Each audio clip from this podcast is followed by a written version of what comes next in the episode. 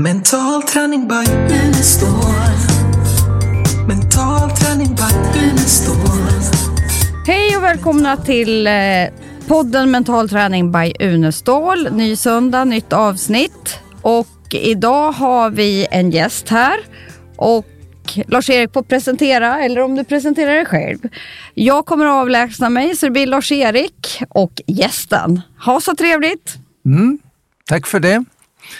Eh, ja, i eh, går kväll så kom vi på att eh, vi skulle göra en podd snabbt för att eh, vi har haft så mycket att göra den här veckan att eh, vi har inte hunnit med att, göra podden till idag. Eh, och då var det lite panik för att eh, eh, vi är upptagna av en kurs och Elene kunde inte vara med. Och då kom jag på att då ska jag ringa en av de mest kreativa och spontana människor jag känner. För han kan eh, säkert ställa upp utan någon förberedelse alls. Och du, nu är du här Gunnar. Gunnar Turinger. Känd i hela Örebro men tack för även det. utanför Örebro. Och varför jag valde dig är ju för att du eh, har lätt för att prata. Du pratar i alla sammanhang och du har lätt att eh, eh, eh, du är lätt att intervjua och du behöver ingen förberedelse. Nej, det var svårt att förbereda det här eftersom det- jag visste inte ens riktigt vad vi skulle göra. Men, men det verkar väldigt spännande. Ja, Så Vi att ska- eh, överraska mig så hoppas jag att jag kan göra detsamma. ja, just det. Nej, eh, varför eh, jag har haft dig som förebild och vän under många år, det är ju bland annat för din eh, fantastiska sociala kompetens som gör att, så många att du har ett fantastiskt nätverk och du eh, har ett sätt att vara som gör att människor dras till dig. Eh, Du har också eh, är så vänlig och omtänksam att, eh, Oj. och du pratar med alla du möter. Ja, man får ju ta de tillfällen som ges. Du sa igår att eh, du mötte Messi i en hiss Ja, i. Spanien. Men, men Det kommer du ihåg. Du visste inte vem det var. Så att du, Nej, du, det, det var ju faktiskt så. Jag är ju ännu inte riktigt fotbollsintresserad. Jag har väl börjat titta lite, men jag har ju många kamrater som är det. Mm. Och, och, och jag var med båda mina döttrar faktiskt. Vi gjorde en sån här pappa-döttrar-resa till Barcelona. Alltid trevligt. Och bodde på ett hotell där det visar sig, eh, för att göra en lång historia kort, att hela eh, Barcelonas fotbollslag eh, alltid bodde där vid hemmamatch. Och det hade vi ingen aning om. Så vi träffade ju eh, faktiskt flera spelare. Men just i hissen som du nämnde där så var det min yngsta flicka Linnea som, som ville gå till rummet och kolla på någon film och så skulle jag och stora flickan Johanna hänga kvar med de här killarna vi hade träffat då, vad de hette, Henri och Eto'o och Pajol och var ett helt gäng. Jag hade ingen aning om vem som var vem, men då stod det en liten kille i hissen med en träningsoverall och min dotter frågar, eh, frågar mig, pappa tror du att han är fotbollsspelare också? Jag vet, fråga på engelska sa jag till henne, vi, vi tränar ju lite då. Do you play football? Säger hon till den här killen. Yes of course, säger han. What team? Frågar min dotter och då säger han Barcelona. Oh, you are from Barcelona? No, no, no, sa han. I, I'm from Argentina. You are from, why do you play here in Barcelona? Good question, sa han. Can I have, what is your name sir? frågar jag. Messi, sa han. Ganska snabbt. Excuse me, can you say that one more time please? Messi. Only Messi is the first or second name. It's, it's Leon Messi. Ah, can you write down like an autograph? Och så fick vi Leon Messis autograf och krama om honom och önska honom godnatt. Och han var inte längre än min yngsta dotter, men Sen förstod jag när jag kom hem och träffade lite kamrater eh, hemma i Örebro som är fotbollsintresserade att, att det hade varit ett stort möte. Tydligen. Det här med dina barn, det är ju, eh, verkar ju som om du har överfört din eh, kreativitet, som vi ska komma in på strax, och spontanitet till dina barn. Lite bättre organiserade än mig är de ju faktiskt. Vi ska väl... Nej, men, eh, Men också spontana, absolut. Ja, det, det tala om just din eh, dotter. eh, Du nämnde häromdagen, det visste inte jag, att eh, eh, hon eh, fick syn på att det var någon eh, mannekänguppvisning i Marieberg. Ja, ja det där, var länge Där sedan. vem som helst skulle kunna vara med. Ja, vi, Och då hon så- ringde och hon sa det, pappa, de de har mannekäng eller modevisning i Marieberg. Det här var ju 15 år sedan eller någonting när hon gick eh, första året på gymnasiet tror jag. Och eh, man måste anmäla sig. Kan vi göra det? Och, och vi tittade och, och hittade något, eh, uh, mejlade, men det var tydligen för sent att anmäla sig. Och hon ringde själv faktiskt och frågade, jag skulle vilja vara med på den där visningen. Och, men det gick inte, sa de. Men då sa hon till mig, pappa nu gör vi som du hade gjort, vi åker ut i alla fall. Så vi åkte ut till det här köpcentret då som jag inte är så förtjust i att åka och besöka. Jobbigt med sådär mycket folk och grejer. Eh, Men då så sa hon till dem där att jag har försökt anmäla mig och det har varit något fel så det gick inte. Så hon fick vara med i den här visningen. Ändå. Ja, och då var det tydligen någon slags tävling eller uttagning. Så hon vann det. Eh, Och fick något litet pris med lite Trots krimskram. att hon aldrig hade mannekänga förut. Nej, hon hade inte gjort något så, men hon ville gärna göra det. Så, Hon vann och vad hände då? då? Ja, det var det som var så lustigt. Att det var en liten eh, goodiebag med krimskram som man fick, men första priset var också att åka till Kina en månad och representera Sverige som eh, Miss Sweden. och det var inte riktigt vad vi hade tänkt, men när vi åkte ut en fredag eftermiddag till Marieberg, men, eller en lördag kanske det var. Så du Eh. fick följa med då till Kina? Ja, jag fick ett ultimatum av, min lilla flicka där hon sa att jag åker pappa om du följer med. Och då, så, jag, eh, det kom ju väldigt plötsligt så att jag, jag fick eh, fundera någon minut där och så fick vi stämma av med familjen hemma. Så Men- du fick, fick åka runt med 50 skönheter från hela världen under Ja, en inte månad? riktigt. Det var faktiskt eh, 89 Alltså, representanter då. Miss Puerto Rico, Miss eh, Azerbaijan, Miss Ukraina, Miss Australien, Miss USA. Det var alla missar. Mm. Men um, det, det, var, det, var, mm, det var ingenting man ville missa så att säga. Men, men, men det, det, så jag var med där en månad. Mm. Och det var två föräldrar med. Det var jag eh, som, som pappa från Sverige och så var det en mamma från Mexiko. Annars var det bara de här 89 tjejerna. Det stämmer.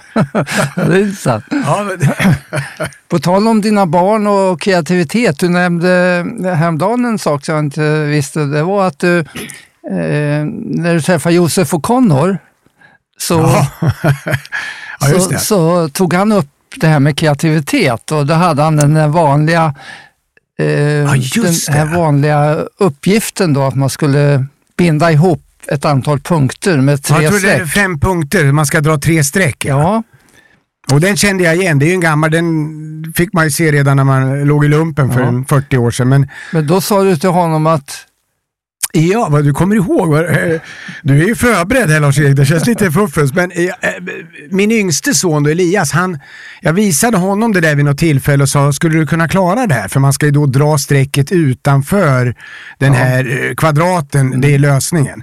Det är inga problem, sa min son, det gör jag med ett streck. Jaha, så det och så tog han en tjock tuschpenna som täckte alla de här punkterna och drog ett streck över. Då. Så det, det berättade jag för, för Josef Conrad att, att, att ehm, min son kan göra det med ett streck. Ja, hur gör han då? sa Josef. Ja, det kan jag ju inte berätta utan det får du tänka ut och, och, och kan Det kom du han inte inte det? på. Nej, han kom inte på det. ja, skämt åsido, men, men det finns ju alltid möjligheter här i livet som vi kanske inte ser Mm. vid första anblicken. It's more to the picture than meet the eye. Det är ett fint citat av Neil Young som jag gillar. Du själv har väl fått mycket av din kreativitet från eh, din pappa? Ja, inte enligt min pappa, för han eh, ansåg att vi hade olika kompetenser. Han var ju akademiker och väldigt bildad. Jag är ju obildad. Jag är mest inbillad. Eh, pappa hade ju elva språk och var teolog och, och, och eh, gjorde 78 terminer på Karo bland annat. Men eh, han sa till mig faktiskt tidigt i livet att du har ju inte samma begåvning som mamma och mig, sa han. Och han var ju aldrig ironisk, han var ju jättegullig jämt. Så att, Jaha, så jag, vad är det? Jo, du, du, du, mm, du kommer att få välja mellan tid och råd, sa han. Jaha, sa jag. Och, och vad betyder det om jag väljer råd? Då kan jag köpa vad jag vill? Ja, då kan du köpa vad som helst. En Ferrari, sa jag. Ja, visst, sa pappa, du kan köpa hundra Ferraris. Flygplan, hur många du vill.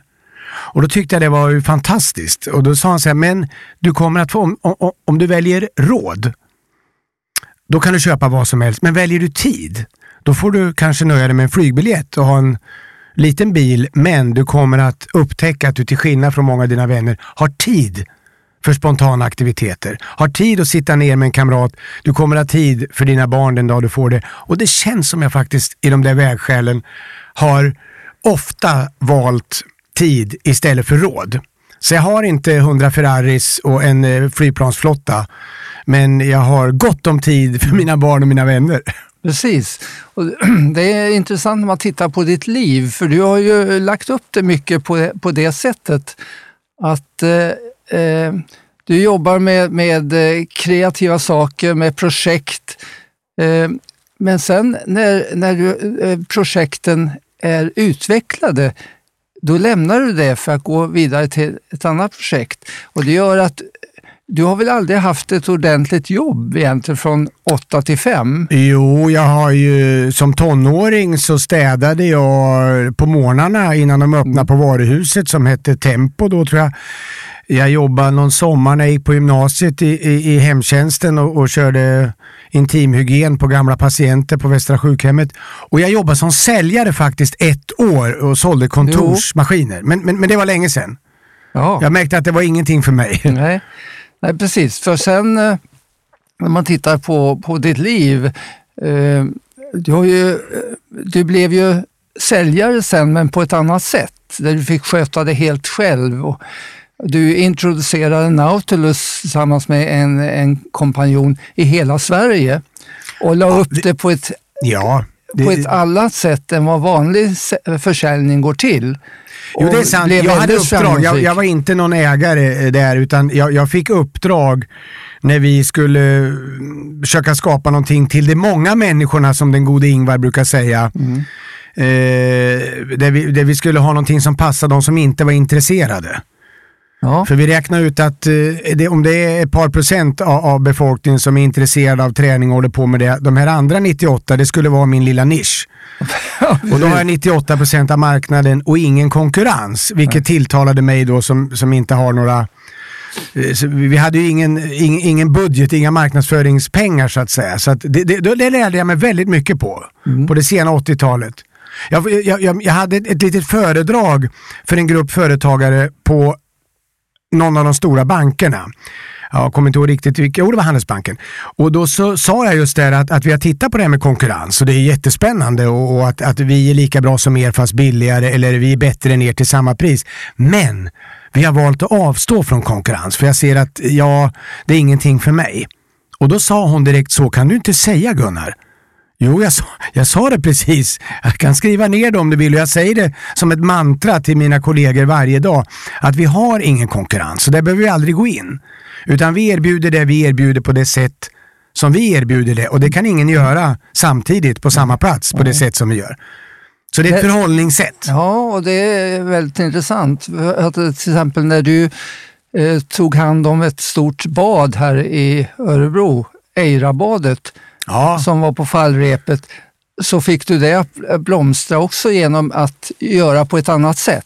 ja jag, minns, jag fick ju fråga, jag kommer ihåg det där, det var i början på 90-talet, det skulle läggas ner för det var så dåligt och de hade inget folk och, och, och det var bara bekymmer 92, 93. Det läste jag det i tidningen, det stod det var ett politiskt beslut. Eh, det var någon som hade tagit det beslutet och, och så träffade jag någon förvaltningschef som kom från näringslivet och hade ett öppet sinne. Ulf Geihammar, väldigt trevlig kille. Um, och då så sa han, kan vi, kan vi inte hitta på någonting för att få fart på det här? Och då hade jag jobbat med Nautilus och då var en idé att ta in det och sen ta tag i, i, i marknadsföringen då utan att konkurrera. Och det slutade med att vi vart en av Sveriges största publikattraktioner. Ja. Vi, vi var på 19 plats tror jag bland Sveriges största turistattraktioner i Aftonbladet Expressen. Så jag fick ringa in och säga att vi är ingen turistattraktion. Vi har bara vanliga örebroare här, tyvärr. Inga Men det stämmer att vi hade, jag kommer ihåg 450 000 besökare eller någonting sånt där. På Storis. Det var väldigt roligt. Precis. Samma sak var väl när du tog över en restaurang här som heter Harris. Ja, nu, nu ska vi, eh, nu lägger du Ja, nej, men jag vill- räksmörgåsar här på bordet. Nej, vill jag, jag, tar, Jag tror vi spontant ska gå in på ta något annat. fram det här vad du gör annorlunda. Okej, okej. Eh, det var- Harris var ju eh, ett projekt som jag var med under en femårsperiod och jobbade med. Och där hade de en fin verksamhet med, med sommar och fredagar och lördagar med sån här lite Finlandsbåt nattklubb. Men jag började titta då på torsdagar som jag tyckte var min favoritdag för då hände det aldrig någonting.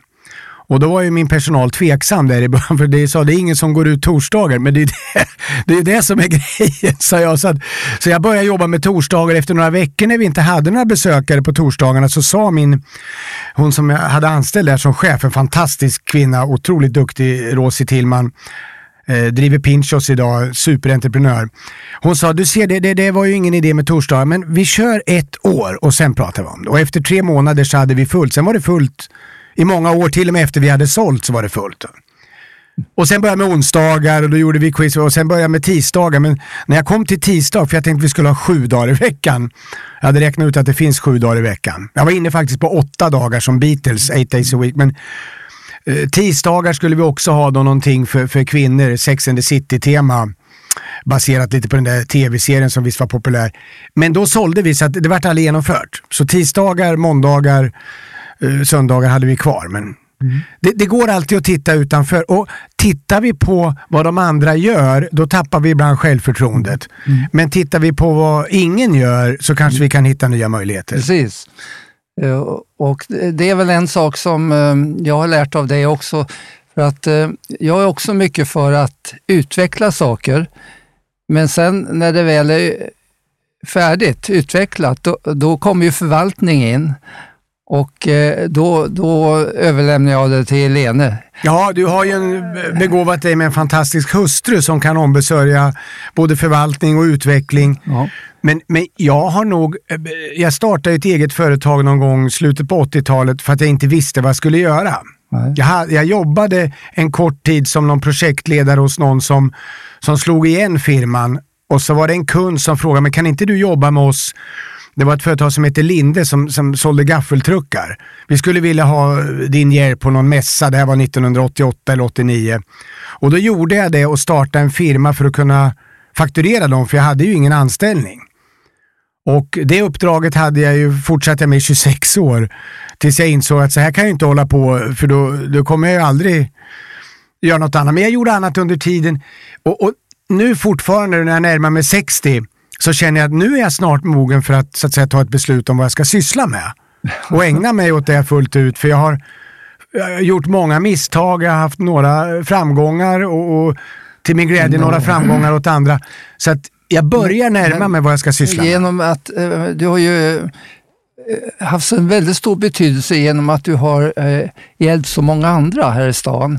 Menar, det, finns ju ingen här i stan som inte känner till dig. Och Men det är på gott och ont, Lars-Erik. Det finns de som tycker att jag har gjort eh, säkert väldigt tokiga Jo. saker och misslyckanden. Eh, sen finns det saker jag är stolt över som många inte känner till. Jag startade en förening med en kamrat. Vi var, eller, ja, vi var två kamrater, jag och Steven Jones. Vi startade en förening för vi trodde att det här med, med, med gympa och, och, och motionspass skulle bli stort och vi behövde lite support. Vi hade en kampsportsförening som eh, vi skulle ha någon mer som kunde vara med och hyra lokaler. Då startade vi en liten förening och vi var två medlemmar, tog in en tredje när vi hade vårt första protokoll, tre medlemmar. Och den föreningen heter Friskis och Svettis i Örebro. Och de är 23 24 000 medlemmar idag och det är jag väldigt stolt över. Eh, och då sa en kamrat, ja men det fick du väl inget för, det har man ju aldrig hört talas om. Nej men jag vet ju om det. Va? Och nu berättar jag det för dig i podden. Så nu, är det, nu finns det dokumenterat. Nej, det finns det protokollet från eh, 88 eller 89. Men det var väldigt roligt för jag minns då att jag tänkte, vi ska ha 10 000 medlemmar år 2000. Och då gapskrattade de. Och idag är det ju dubbelt så många. Men inte bara saker du har startat själv utan också eh, uppmuntrat andra. Jag hörde häromdagen att eh, det här stora varuhuset, Kompassen, det är du som har hittat på det. Ja, det stämmer. Då har du, nu har du, du har ju gjort research här. Men det var en solskenshistoria för det hette ju Domus och jag hade uppdrag. Jag var lite ghostwriter och skrev sådana här medlemsutskick som kooperationen gjorde åt dåvarande varuhuschefen. Jag var med och gjorde lite events, bland annat med Carl Jan. Vi hade väldigt roliga events. Perestrojka i kooperationen sjöng han. Eh, det var kul. Och då i slutet på 80-talet så skulle det Domus läggas ner och de skulle ha ett namn på huset. Och den historien var ju besynlig för att då kallade de in mig på något möte och jag tog på mig min finaste kostym och, och slips och väst och allt sånt där på den tiden. Det var viktigt, där i slutet på 80-talet. De har ju väldigt rymliga kostymerna också, jag gillar ju det. Nu när man ser de här stackars eh, olika mäklare och finanskillar så har de för korta byxor och för trånga kavajer. Och det, det, det verkar väldigt obekvämt. Mm, Och så ska man helst ha skägg, stort skägg också, vilket eh, kan vara besvärligt. Men, men då hade man stora luftiga kostymer och då så fick jag uppdraget att vi skulle hitta på ett marknadsföringskoncept för huset. Och då sa de att huset ska heta Kittelen. Och jag sa, jaha, Kittelen, det går ju nästan inte att säga. Men jag tar uppdraget, sa jag ska fundera och så ses vi på måndag. Och så kom jag dit och då sa de, ja vad ska vi göra nu med Kittelen? Ja tyvärr sa jag så att jag kan inte komma på någonting. Jag har inte fått en enda idé på hela helgen. Så jag skulle kunna ge er 50 namnförslag som är bättre. Ja. Och då var det en som var lite irriterad, jag tror han var från Kooperationens pensionsfond eller BPA, någon direktör. Ja du Turingen, då, då kan väl du hitta på 50 namnförslag då som är bättre än kitteln? Jajamän, sa jag. När ska de vara klara? Ja, måndag. Så då eh, satte jag mig ner och skrev 50 förslag. Stortorgshallen, Slottspassage, alla möjliga. Och så tog jag med mig dem där. Och då var de ju, oj, jaha, jaha, det är 50 förslag. Och de tittade igenom det där och sa, men vilket tycker du är bäst? Nej, inget av dem.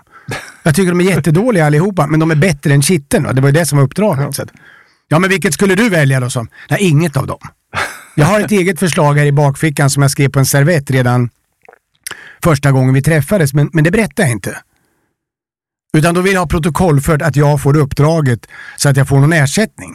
För det var ju 80-tal och, och pengar var ju, det hade ju betydelse på den tiden. Så, så mm, då skrev de i protokollet, om vi tar det här förslaget som Turinger har, då får han uppdraget. Och så berättade jag för dem om kompassen. Som jag hade kommit på. Det var de fyra finaste adresserna i Örebro. Stortorget, Köpmangatan, Kungsgatan, Engelbrektsgatan. Det är som Armani, London, Paris, New York. Alltså Och ingångar från alla väderstreck. alla fyra ja. väderstreck och alla barn skulle få komma och lära sig hitta i stan och få en kompass. Och kompassen är positivt könsneutral, står för vägledning. Jättebra. Och då blev det kompassen. Ja, det. Men sen ville de ju bli av med mig för de tyckte att jag var för spontan och, och så här, så, så då, då köpte de loss namnet. Ja. Och den affären vill jag inte berätta, men det var en den, eh, det var enda gången jag gjorde snabba cash på riktigt kan jag säga. Men när man är så här kreativ, då möter man också motstånd. Eh, hos alla en, utom hos dig. en, en idé som du hade som jag tyckte var fantastisk, det var att starta vär, världens största barnkör. Ja, jätteroligt. Vad kul att du minns det. det. Det var en idé, jag jobbade tillsammans med Björn Sundberg, en fantastisk vän och mentor. Han finns inte kvar i jordelivet längre men jag hade några fantastiska år med honom och då var han VD på Örebro Promotion. Och eh, vi hade någonting eh, som hette, om det hette City Örebro eller Örebro det handlarna var någon gruppering av alla handlare i stan och det behövde hända saker. Det var ju så tråkigt och hände ingenting. Och ett förslag jag hade var att vi skulle göra världens största barnkör. Det är lite som uh, Tårtgeneralen, om ni har sett den underbara filmen. För då, då skulle vi, jag hade kollat upp det där att det fanns, världens största barnkör fanns inte någon, fanns någon katolsk kör med några hundra men så vi, jag, jag organiserade alla skolor så att alla barn som var i åldrarna mellan tror jag, årskurs uh, tre och uh, sex eller någonting sånt. Vi fick ihop en 12 000 ungar i Örebro län. Skulle då öva på några låtar, rida sommarvisa och lite sådär. Eh, och en hit med någon svensk artist. Och så skulle allt det här vara som en gigantisk friluftsdag och, och då blir det världsrekord och bara med anhöriga skulle vi ha en publik på, på över 30 000. Så jag fick i uppdrag att titta på det här, så jag ringde till Polargruppen, Marie Ledin, Stickan Anderssons dotter, som till min stora förvåning svarade direkt. Jag fick tag i nummer. Och då berättade jag, ja, jag är Gunnar här i Örebro och världens största barnkör. Och jag vill ha Thomas Ledin längst fram och han sjunger den här låten, det var någon som jag hade valt ut där. Jättekul, sa Marie. Det är vi med på. Och jag varit så förvånad så jag varit alldeles tyst. Jag, ja, ni går med på det? För det, ni kan inte få betalt. Nej, nej, men vi är med. Och så spelar vi in det här. Jag hade kontaktat MTV så det skulle sändas i, i Norden, eventuellt i hela Europa, kanske i hela världen. Eh, och det här var fantastiskt. Men sen kom jag tillbaka till de här cityhandlarna i Örebro. Hur gick det nu då Gunnar? Och då berättade jag, ja, Marie Ledin är med, Thomas är med och vi är så här och McDonalds kommer se till att alla barn får mat och så här. För det, hörde du, jag tyckte, nej det här verkar så kommersiellt sa de då. Ja men ni, handlar, är ju kommersiellt, alltså, ni bedriver ju handel i, ja men det känns det inte lite, lite spekulativt med alla barn och och, och så här. Och, ja, och så så då, då, då ville de inte göra det här. Nej. Så det lades ner. Ja. Och då minns jag att jag varit lite trött. Ja, det är klart. Ja, men den idén är fortfarande ogjord så den, den, den kan vi göra Den är idag. kvar då. Men det behövs inga pengar. Det är väl det som gör att det är mer populärt med idéer som kostar mycket pengar. Då. Ja, och det var ju en idé eh, vi hade för två, tre år sedan när våra, eh, två av våra barn skulle börja gymnasiet. Ja, just det. Så kom vi på att vi skulle starta en friskola, du och jag. Ja, just det. Och eh, det gick ju eh, ganska långt tills dess att vi var tvungna av olika skäl att, att lägga ner det här. Ja, Men tanken var ju då att eh, det skulle vara en eh, kreativ friskola som, Ja. som var annorlunda än vanliga friskolor på många olika sätt. Bland annat att man skulle jobba med livsfärdighetsträning, ja, saker som har betydelse i, i livet. ja. Medan eh, eh, du, du vet ju att vår käpphäst har varit, min i alla fall, att, att det finns inga relationer mellan skolframgång och livsframgång. Nej, Det det, finns ingen studie som har visat på det, Nej. vare sig ekonomiskt eller andra det tecken stämmer. på framgång. Många stora framgångsrika, inte minst entreprenörer och Ja. konstnärer har ju hoppat av skolan tidigt. Ja, eh, Church, eller den första mentala tränaren eh, som var Einstein, han sa att eh, utbildning, det är det man har när man har glömt bort allt man har lärt sig i skolan. Och jag många Einstein sa ju också att sunt förnuft, det är alla fördomar, allt du har blivit ilurad när du är i 20-årsåldern. Kan du bortse från det så kan du tänka ut stora saker. Mm. Ja, och han byggde eh, inte på kunskap utan byggde på inspiration och fantasi och det som vi har i mental träning. Han, han, eh, och därför, därför säger han också att ingen av, mina kun, ingen av mina upptäckter har kommit fram genom rationellt tänkande. Och eh, det, här hade vi tänkt att eh, bygga på så att vi också skulle bygga på utveckling av livsfärdigheter men också Precis. att använda var och ens speciella möjligheter Ja, istället för att varje titta människa på är unik. vi, vi pratade till exempel om att vi skulle ha med eh, eh, ADHD Ja, och titta på vad är det för fördelar med att ha AD- ADHD. Exakt. Det är så vi tittar på allting. Inte vad är, vad är det för problem med det här, utan vad är det för fördelar? Jag minns vi hade ett ämne när du och jag satt och, och, skrev ihop. Det var ju mest du som skrev för jag, det går inte att läsa när jag skriver, för jag vill ju skriva för hand. Jag älskar ju penna och papper. Eh, Men, men vi hade ett ämne som heter personal performance där man skulle få med en mentor eller en coach rättare sagt utveckla eh, sin egen färdighet på något område oavsett om man var bra på det eller inte. Det som man själv önskar att man skulle hålla på med i framtiden. Och, och, och sen att ta tillvara alla individuella olikheter och sen förstås med det som du har forskat med i över 50 år, mental träning.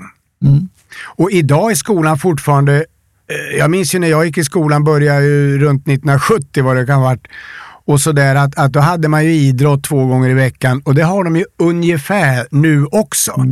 Istället för att ha fysisk aktivitet och rörelse varje dag. Ja. Att dricka vatten vet vi alla, det behöver barnen och många gånger de trötta. Nej, det är inte obligatoriskt att man ska dricka vatten på lektionstid. Det finns så mycket enkla saker utöver allt annat fantastiskt som man skulle kunna göra i ny skola.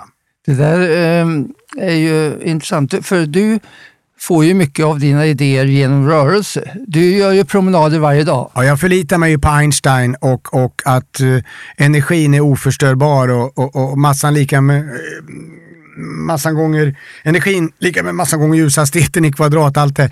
det är ju rörelseenergi. Är vi stilla då, då mm, eh, avtar energin. Men samtidigt så behöver vi stillhet och viss form av kontemplation, meditation, alltså att man också, ja. stannar upp. va. Men, men jag promenerar ju väldigt mycket, eh, går flera timmar varje dag och i skogen. Och det har jag ju märkt att det har utvecklat ett beroende, men som är bra. Jag får ju med mig barnen på sånt också. De, Du gör det som idag kallas för skogsbad varje Ja, dag. just det. Skogsbad, ja precis. Nej, men jag tittar mycket på det också om man backar några tusen år. Som Kina till exempel, för jag- jag var ju där en månad och åkte limousiner med de här 89 skönheterna, modellerna. Och det var ju roligt. Men det var också intressant att få kontakt med den gamla kulturen i Kina. Till exempel inom eh, kinesisk kultur för 4500 år sedan så var musik inte klassat som konst eller kultur utan musik tillhörde läkekonsten. Så att man ordinerade olika typer av musik för psykisk, social, emotionell, social ohälsa. Och, och det, det vet vi ju idag att musik har en väldigt positiv inverkan och kan påverka på olika sätt. Och det var självklart redan för många tusen år sedan där. Så att det finns mycket tidlös vetenskap som också är intressant. Utöver alla nya rön som, som inte minst du kommer fram till Lars-Erik.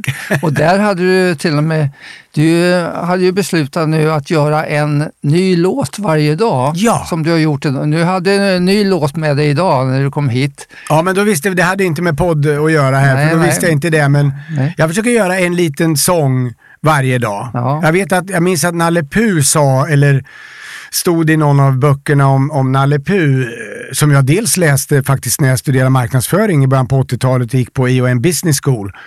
Eh, då hade vi eh, en kurslitteratur där det var många citat av Nalle Puh. Men ett som jag gillade var ju det här att, att människor som inte trallar på en, och nynnar på en liten melodi, de mår nog inte så bra. Så att eh, vi trallar och sjunger mycket i familjen och jag försöker sätta ihop det. där. Det räcker ju med två eller tre ackord. Eh, och de har jag lyckats lära mig Men på du äldre. sjunger bra också. Ja, sjunger, det, är det är bara att göra. Ja, men det, det kommer. Övning är färdighet och, och jag började ju sent i livet med det. Eh, och tack vare min yngsta dotter som, som sa åt mig, pappa, du behöver inte vara ledsen för att du inte lärde dig att spela gitarr när du var ung. Du kan börja nu. Och så gjorde jag det. Så att jag gör en liten sång varje dag. Eh, eh, på tal om, om eh, det här vi pratade om då med, med eh, rörelse och skolan och eh, kreativiteten som är kopplad till rörelse, Ja. så eh, finns det en eh, eh, person som heter Ken Robinson. Så han har gjort en film på Youtube som är den som har setts av mest av alla Youtube-filmer. Vet du vad den är? Nej, Jo, ja. det är hur skolan dödar kreativiteten. intressant. Och den har setts av mer folk än någon annan. Och det var också det vi tänkte på när vi pratade om att starta en egen skola. Hur ska vi komma ifrån det här som ofta sker, att skolan dödar kreativiteten? Om man tar det här med rörelse till exempel, så är ju barns lärande kopplat till rörelse. Självklart. Ända fram till skol, eh, skolan början. Sen ska man sitta still Ja, och när, lära. alltså, min, min yngste grabb sa, minns jag, han sa att de, de säger att jag ska få gå i skolan och så tvingar de mig att sitta. Ja. Han sa ju upp sig när han gick i årskurs fem eh, för han tyckte att det var eh, utebliven undervisning så, och bytte skola. Men jag, jag jag ska spontant avbryta det här med att fråga dig om, om du vet, det, det var intressant med, med det YouTube-klipp som flest människor sett. Vet du vad det är för dag idag utöver att vi har en söndag och podcast? Eh, Jag kom på det nu. Jaså, nej. Och det, det är ju intressant. För att det här kan vara ett tips så eftersom hon inte är här nu, din hustru, att du kan eh, lägga på minne det. Det är faktiskt alla hjärtans dag idag. Nej. Det är det. Jo. det är så skönt med dig Lars-Erik att du är ju som Nalle Puh, lyckligt ovetande som en massa saker. Va? Ja, just det. Jag Och jag glömde, brukar skylla på att det är ungdomligt o, o, o, jag oförstånd. Du glömde vår bröllopsdag också. Fick. Ja, Fick men så idag är det alla hjärtans dag och då tänkte jag på, på det här vad som är viktigt i skolan och då lyssnade jag på en Mm. annan klok kille i, i din ålder skulle jag tro, eh, som heter Dalai Lama. Jag vet inte om du känner till han. Det är en av de här som jag ännu inte har träffat. Och Påven och Leon Messi och några andra har jag träffat, men, men inte Dalai Lama. Men jag lyssnade på ett tal han hade på nyår. Mm. Eh, nu, senaste nyårsafton här. Och då sa han, det är bara två saker vi behöver. Och det måste in i skolan omedelbart på alla nivåer, alla länder. Vi behöver inte lära oss om religioner och politik och, och vad som är skillnader på det. Utan det är love and compassion. Precis. Det, det, det är det enda. För får vi lära oss det och vad det betyder och använda det, då, då kommer vi lösa alla andra problem. Och just kärleken eh, vill jag slå ett slag för då, även om det kan Absolut. tyckas fånigt att säga på alla hjärtans dag, det vet väl alla, men eh, det står ju i, i någon av de här böckerna, om det är Harry Potter eller, eller Nalle Puh eller Bibeln, jag kommer inte ihåg vilken det var, att störst av allt är kärleken. Ja. Eh, och, och, och vi har pratat om det hemma i familjen och, och kommit fram till att först av allt är kärleken. Precis. För det är det som, som garanterar ett, ett, ett barn, dess existens och utveckling, ett kärleksfullt bemötande Mm. redan från födseln. Alltså det är det viktigaste. Jag har kommit på eh, att en orsak till att eh, alla eh, tycker om dig och att du har så mycket vänner, det är just det här. Hur många vänner har jag? Det är det jag kallar för smek. Jag har satt ihop fyra viktiga egenskaper som du har alla. Och det, S står för sympati. Du är en väldigt sympatisk människa. Eh, M står för eh, medkänsla. Eh, Det som kom från Dal- Dalai Lama framför allt. Eh, e står för empati och K står för kärlek. Och eh, den här omtanken du visar om människor. Du stannar till nästan, eh, vem du än möter stannar du till och pratar med den. Och eh, i ditt sätt att vara så visar du upp det som är så eh, oerhört viktigt, nämligen det här med vänlighet. Vänlighet är ett ord som borde man propagera väldigt mycket mer för. Eh, därför att det är en, en, en, ett klass, eh, det är en sammanfattning av- av just smek. Eh, Någon har sagt att vänlighet är kärlek i handling. Och eh, har man, har man den, de egenskaperna, då får man väldigt mycket vänner. Ja, det, det är fantastiskt att du säger det. Eh, Jag minns nu ett samtal vi hade häromdagen när vi var åt en sån där eh, härlig fin räkmacka och satt på den soliga verandan på Kaffeskogen. Mm.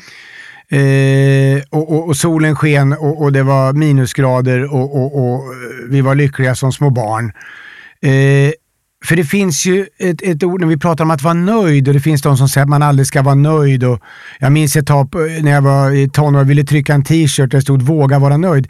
Men det var ett annat ord som jag hade hittat som vi pratar om, förnöjsamhet, Ja. som är väldigt vackert. Jättebra. Och, och förnöjsamhet är någonting större än att vara nöjd. Eh, För det finns eh, spekulativa undertoner i det här med att vara nöjd. Va? Men, men förnöjsamhet är väldigt fint. Och, och där har vi en också så här visdomsord, eh, Lao Tse 500 före Kristus i Kina som sa att jag har tre skatter som jag aktar och vårdar. Va? Den första är ödmjukheten. Mm. Och den andra är förnöjsamheten och den tredje är kärleken. Och där är det kopplat till att man säger att endast den som har förnöjsamheten kan vara generös. Och endast den eh, som eh, har kärleken har mod och, och, och kunskap att förlåta. Och kärlek är också det som gör att du vågar använda kunskap. För alla människor vet vad som är bra och dåligt för miljön. Alla människor vet att de ska röra på sig. Alla vet att barnen inte ska få dricka en massa dåliga grejer och äta skräpmat. Men kärlek är att tillämpa den kunskap du har. Och då kan den som har lite kunskap men stor kärlek uträtta mycket mer. Och den sista med ödmjukheten, då står det i den gamla kinesiska visdomen att endast den som är ödmjuk är lämpad att härska. Och det tycker jag är Precis, intressant. det är jättebra. Och, eh, jag vet inte om du vet att det är en väldigt stor undersökning av eh, de mest framgångsrika cheferna i världen. Så visade det sig att ödmjukheten kom väldigt långt upp.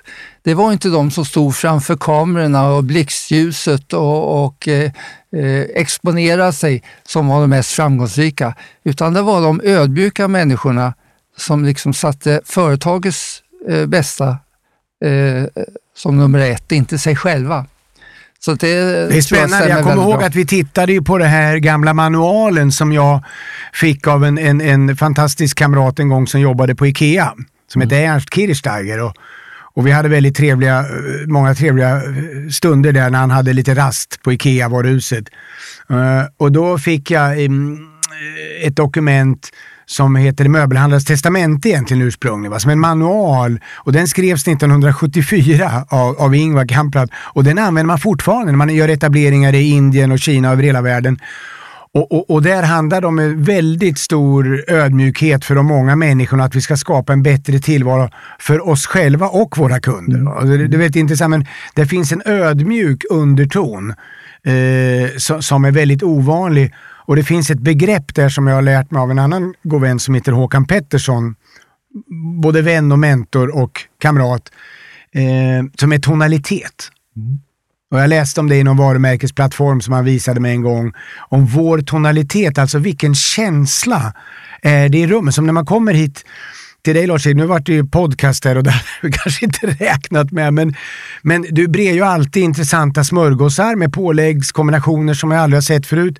Och oavsett vad man säger och hur man tycker och befinner sig så serverar du alltid någonting st stor vänligt och då är tonaliteten varm och välkomnande. Mm. Och då går man ju med på vad som helst. Sen om det är en podcast eller om jag ska skotta snö eller bära böcker, det spelar ju ingen roll. Nej, men där, eh, eh, där har vi ju det här med, med eh, att kreativitet har ju väldigt mycket med nyfikenhet och stimulans att göra, gå ifrån vanorna.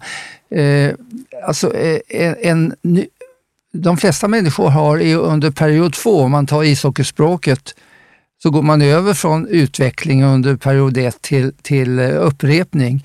Vi räknar med att 95 procent av människor mellan 20 och pensioneringen, innan avvecklingen kommer då efter pensionering, eh, har 90-95 procent av automatik.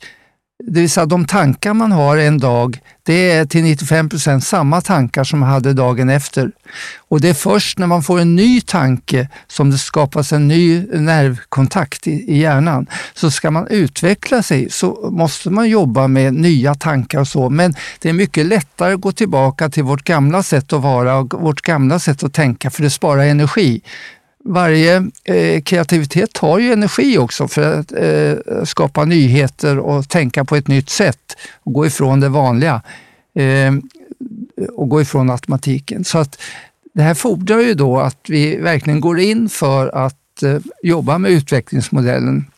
Och när vi talar om skolan då, så pratar vi en hel del när vi skulle starta en egen friskola om vad, som, vad, vad är det som Robinson menar jag har inte tittat på den, men jag tror att han menar att en sak som dödar kreativiteten i skolan, det är att barn är ju väldigt nyfikna. Ja, visst. Man frågar om en massa saker och sen kommer man till skolan och det första man ser är en, en vuxen person som står längst fram och som ställer en fråga som jag redan vet. Och som den vuxna också vet. Ja. De frågar helt i onödan. Ja, så, som äh, och plötsligt så förändras det här med, med att man frågar för att få reda på saker. Istället blir frågorna kontrollinstrument som gör att man slutar fråga och som vuxen vill man inte fråga för att inte visa sin okunnighet.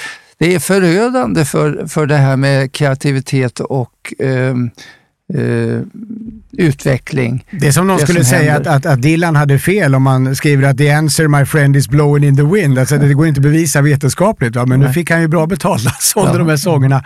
Jag tänkte på två begrepp. Jag hade ett väldigt fint samtal med yngsta grabben i morse. Jag var ute och kände på, det var ju 14 eh, grader kallt, tror jag, jag vet inte, men vi gick en, en, en, jag gick en promenad, han var hemma och vi samtalade. Och då var det två japanska begrepp, för vi, håller, vi är lite inne i samurajvärlden och läser samurajetik från 1500-tal, 1600-tal. 1600-tal framförallt i Japan. Och då var det två begrepp. Det ena är mushin, som betyder tomt sinne. Att man ska ha ett tomt sinne och vara öppen för allt men inte bunden till någonting. Mm. Och det andra är ett begrepp som heter soshin på japanska. Och det betyder att man ska ha beginners mind. Mm. När du tränar på någonting, övar dig på någonting, om det är att göra låtar eller, eller skriva mm, böcker eller vad det är, så när du börjar tycka att du kan det, då mm. intar du en annan attityd till lärandet. Och det gäller att sträva efter att ha det nyfikna barnets attityd, beginners mind, soshin, mm. så att du har respekt för att du hela tiden kan lära. Även om vi skulle göra en podd nu, det här var ju första gången för mig, om vi skulle göra det varje dag, mm. så ska det vara en helt ny upplevelse. Eller mm. som när du älskar med din hustru eller eller jag med min kvinna. Så det, det, det, måste vara en helt ny, man, man, man tar sig an uppgiften med Soshin, beginners mind. Mm. Det är väldigt bra. Just det, det är genom att eh, man har ett tomt och öppet sinne som man kan fylla på. Man kan inte fylla på något som är fullt. Och just det här med eh, beginners mind som vi jobbar med både i mindfulness och mental träning är ju oerhört viktigt. Att se saker på ett nytt sätt Och eh, där har du, eh, du har ju varit intresserad av mental träning under må många år och hjälpt oss väldigt mycket. Innan jag visste vad det var framförallt. Ja, just det. Och du har fyllt på det vi gör med, med dina, dina intressen för eh, ja, som du har, Österlandets sätt att tänka, buddhismen till exempel, deras sätt att tänka och så. Du har till och med ligger bakom vårt nya namn.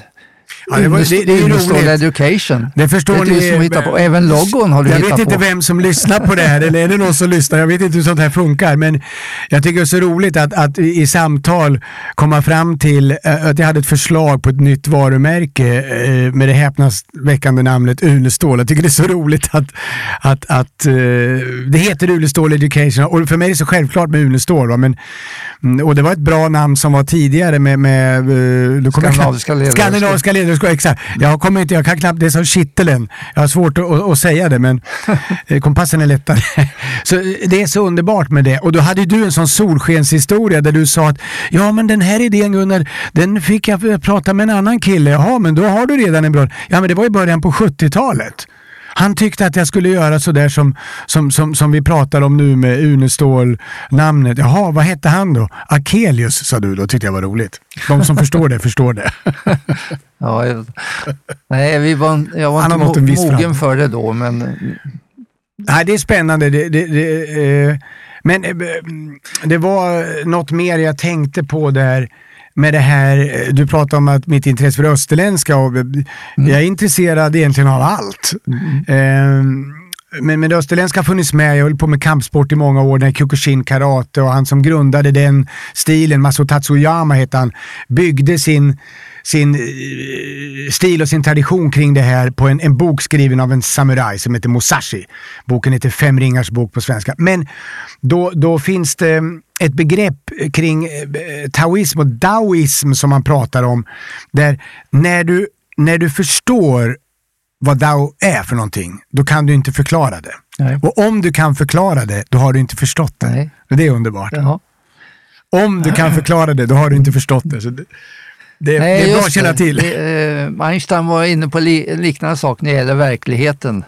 Ja, Einstein är ju mästarnas mästare, inte bara för att han dejtade Marilyn Monroe, utan han hade ju många, det sägs att, Ja. att det var så.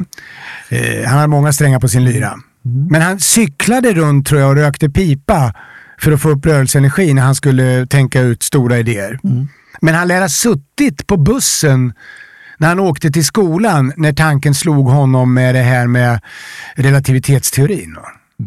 Mm. Jag vet inte om det är sant. Man vet ju inte vad som är sant. Men då har du lärt mig en sak eh, avslutningsvis som jag vill förmedla. Det här med om det är sant eller inte har ju ingen betydelse. Och, och jag minns någon prata om Bibeln till exempel. Det är en intressant bok. Va? Precis som Harry Potter och, och Bröderna Lejonhjärta inte minst. Eller, eller eh, Berts betraktelser av Sören och Anders. Också fantastiska böcker. Och då sa ah, men man, det kan inte vara sant, det står i Bibeln så här. Och ja, men, men, alltså, Harry Potters framgångar beror ju inte på att alla vet att det är sant. Nej. Fascinationen av Bröderna Lejonhjärta eller glädjen med Berts betraktelser, det är ju inte nödvändigtvis för att någon har bevisat att det som står är sant. Så det har ingen betydelse om det är sant. Nej, sanningen är ju subjektiv och det är bättre att gå Ja. att ta b- bra. Och förändring. Ordet bra. Jorden har ju varit platt och den har varit rund och jag vet inte hur det är idag, jag har inte uppdaterat mig. Ja, Men... visst, och särskilt kreativa människor har mött mycket, mycket motstånd därför att det har inte varit sant. De Men spontan, spontanitet då som, som du sa att det var ett, ett, ett signum för mig och det är det verkligen. Då har jag med, det är ett positivt laddat ord. Säger man att någon är spontan så är inte det negativt. Men människor är väldigt negativa till spontanitet för att det ska bokas. Jag minns jag hade filofax eh, på 80-talet och jag slängde den 94 när min eh, förstfödde var ett år gammal. För jag insåg att jag, började, jag hade så fullt i filofaxen. Jag satte in sådana postexlappar också, fyllde på ännu mer. Och det insåg jag, fortsätter jag så här så har jag hjärtinfarkt eh, och stroke när jag är 40. Ja. Så jag slängde den och då var det kaos. Men efter tre månader infann, infann sig ett, ett, ett slags lugn. Och då, men hur kommer du ihåg allting? Ja men det gör jag inte. Men jag lär mig att inte åta mig mer än vad jag kommer ihåg och klarar av. Och sen ha ett stort utrymme för till exempel om Lars-Erik ringer och vill göra podcast eller vad det är för någonting vi gör nu. Vi skulle kunna prata i timmar eh, och eh, Eh, du har lätt för, för det. Jag kommer ihåg att eh, du var en gång i en kyrka och prästen fick syn på dig där nere och så sa han, jaha Gunnar är här, men då, då kan Han du var väl inte komma riktigt så. Han, han, hade, han hade gjort som du. Han hade förberett det där för att eh, när jag jobbade med Eirabadet och vi hade Nautilus-epoken där och, och, och att mm, eh, då var jag ute på företag och skulle d- dra dit människor då till vår församling eller till verksamheten på Eirabadet. Och då var jag och träffade en massa präster eh, och, och, och, och skulle boka in dem på provträning och sånt där. Och då sa en du kanske kan komma och prata för oss i, i våran kyrka. Och då trodde jag först att det var ett personalmöte vi skulle ha. Ja, då skojar jag och sa, ska jag komma då klockan tio innan högmässan? Ja, det blir jättebra, sa han. Och så tänkte jag så här, "Ascha, jag lovar det, men jag får ju hålla det då. Eh, och så åkte jag dit. Och då var det ju gudstjänst. Så jag tänkte, nu han, han vill att jag ska sitta och ha gudstjänst, så får jag träffa personalen efteråt. Men så gav han mig ett program och då stod det så här, först sjunger kören någonting och så här och sen läser vi vad det nu var ur Bibeln och sen står dagens predikan Gunnar Turingen om mig. Så han, hade, för- så han kallade upp mig i predikan, så jag, jag höll en predikan då. Jaha, En icke-religiös predikan. Ja. Eh, Det är, ju, eh, som sagt, vi skulle kunna hålla på länge, men jag vill säga till slut att eh, du ska få, få en viktig uppgift framöver, nämligen att vara en förebild för någonting som vi håller på att jobba med mycket nu. Och det är hur, eh, hur lär man människor social kompetens? Därför att eh, det visar sig att till exempel social kompetens, emotionell kompetens är viktigare än betygen hos många arbetsgivare. Samtidigt när jag frågar människor som är socialt kompetenta, hur många utbildningar har du gått i social kompetens? Så har de inte gått någon utbildning alls. Varje möte med, med en ny människa är en utbildning. Ja, sen har jag frågat också, vet du om hur du gör när du är so so socialt kompetent? Nej, jag bara är mig själv. Så här har vi någonting som hos många arbetsgivare är viktigare än betygen och det finns inte en enda utbildning och det finns inte, man vet inte hur man gör.